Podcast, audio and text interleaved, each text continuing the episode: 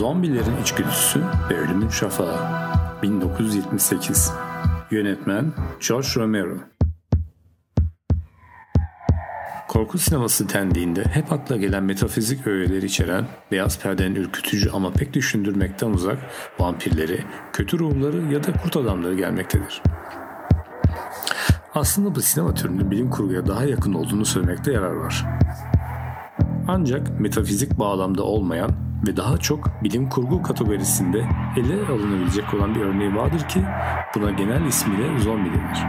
Peki nedir bu zombi meselesi?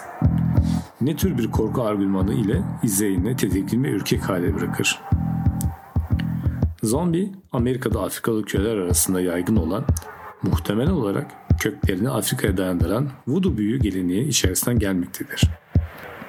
Bir voodoo büyücüsü tarafından icra edilen bir törenin ardından yeni ölmüş yani meftamız hayata tekrar geri getirilerek kontrol edilir.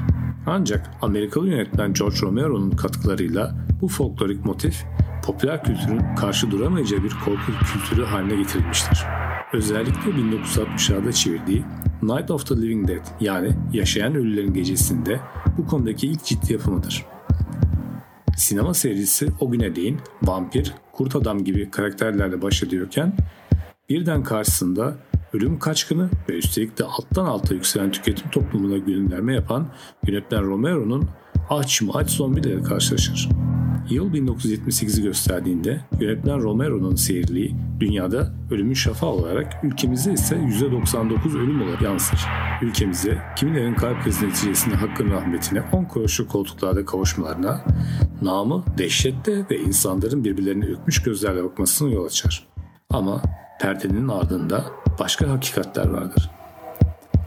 Amerika'nın ve Avrupa'nın palazlanan ekonomisi dünyayı sömürürken, içteki toplumunu tüketen konumuna evriltirken dönemin her aydını gibi yönetmen Romero bu gidişatın sonunda birbirimizi yiyip tüketeceğimiz bir kıyamete götüreceğini görmüştür.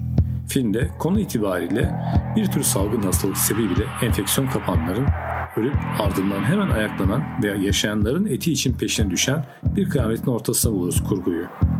Üstelik de bu ölüm kaçkını yamyamlar ne dünyanın tepesindeki büyük sermayedarlar ne de ideoloji yayma peşinde olan dünya egemeni hükümetlerdir.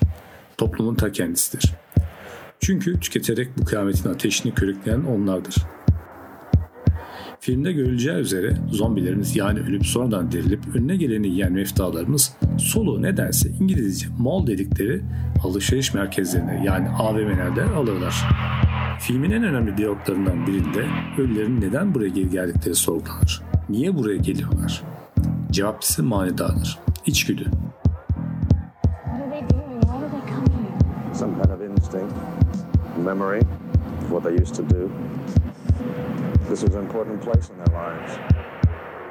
Yani hayattayken bu meftaların dolayısıyla bizlerin bu AVM'lere gidişimiz ve gelişimiz ihtiyaçtan değil tümüyle içgüdüselmiş efendim. Tüketim bir içgüdü mü yani? Peki içgüdü nedir? İradeden bağımsız olarak hareket edilmesine yol açan, doğuştan gelen veya türe bağlı olarak herhangi bir çaba göstermeden sahip bulunan davranışların bütünü.